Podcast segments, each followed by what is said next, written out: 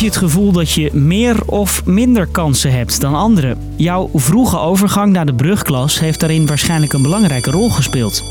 Tenminste, dat staat in een nieuw rapport van de SER, de Sociaal-Economische Raad. Dat is een club van ondernemers, werknemers en experts die het kabinet adviseert.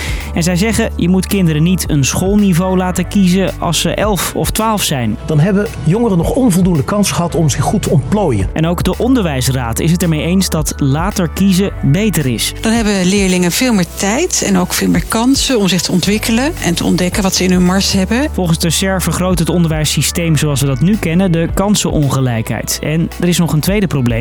De kwaliteit van het onderwijs is niet goed genoeg.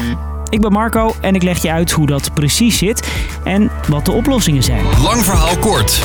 Een podcast van NOS op 3 en 3FM.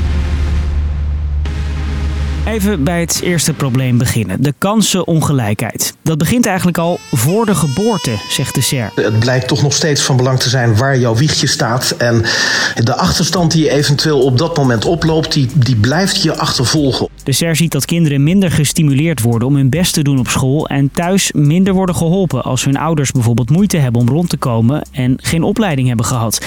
En corona heeft de situatie alleen maar verergerd. Dit zei de onderwijsraad er vorig jaar al over. Kinderen eh, uit kansarmere milieus die van huis uit minder mee hebben, die hebben meer last van de veranderingen in het onderwijs en minder kansen. Want toen de scholen dichtgingen en leerlingen thuis kwamen te zitten, was die hulp van ouders juist extra belangrijk. Volgens de SER is onderwijs bedoeld om iedereen dezelfde kansen te geven, uit welk gezin je ook komt. Maar dat gebeurt dus niet. Bijvoorbeeld doordat leerlingen op de middelbare school al meteen worden verdeeld over VMBO, HAVO en VWO, zegt de SER. Dus het is veel verstandiger om dat uit te stellen en te zorgen dat jongeren nog een jaar extra krijgen om zich maximaal te ontplooien, zodat je dit talent er echt uithaalt en dan weet hoe iemand uh, beter optimale kan doorstromen. Stel, je hebt in eerste instantie MAVO gekozen, maar later kom je erachter dat je eigenlijk wel HAVO aan kan dan moet je extra stappen zetten om alsnog op die HAVO terecht te komen. Zodat je uiteindelijk van alle kansen gebruik kan maken die school voor je heeft. Tot zover de kansenongelijkheid. Dan de kwaliteit van het onderwijs. Die is volgens het nieuwe rapport dus onvoldoende. Zo zijn leerlingen minder goed in taal en rekenen. En dat heeft met verschillende dingen te maken. Volle klassen, hoge werkdruk en het lerarentekort. Je hoort een natuurkundedocent daarover. Er worden docenten aangesteld die niet helemaal bevoegd zijn, of die helemaal niet bevoegd zijn, of die een, voor een ander eh, vak bevoegd zijn.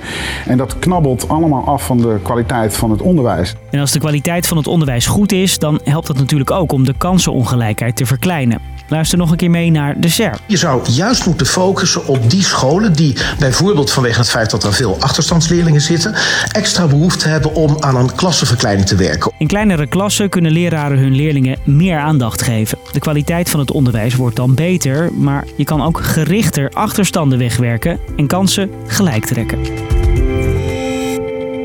Nu je weet wat de problemen zijn en hoe die ook met elkaar te maken hebben, is het tijd om te kijken naar oplossingen.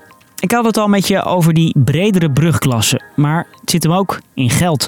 Onderwijsminister Slop kondigde eerder al een investering aan van 8,5 miljard euro. U zult begrijpen dat er met dit nationaal programma alles aan gedaan wordt om de jongste generaties in ons land dezelfde kansen te bieden als de generaties die zonder pandemie naar school gingen en nog zullen gaan. De SER wil dat geld ongelijk geïnvesteerd wordt om uiteindelijk gelijke kansen te krijgen. Normaal gesproken wordt er een pot geld ter beschikking gesteld van het onderwijs. En dan krijgt iedereen, weet je, pons, pons gewijs hetzelfde bedrag. En wij zeggen dat moet je niet doen. Het idee is om geld specifieker te investeren daar waar het nodig is. Dat het bijvoorbeeld gebruikt wordt om leraren op te leiden die beter kansenongelijkheid herkennen en weten wat ze eraan moeten doen. Maar het is aan het nieuwe kabinet om een knoop door te hakken en te kijken wat ze met dit advies gaan doen.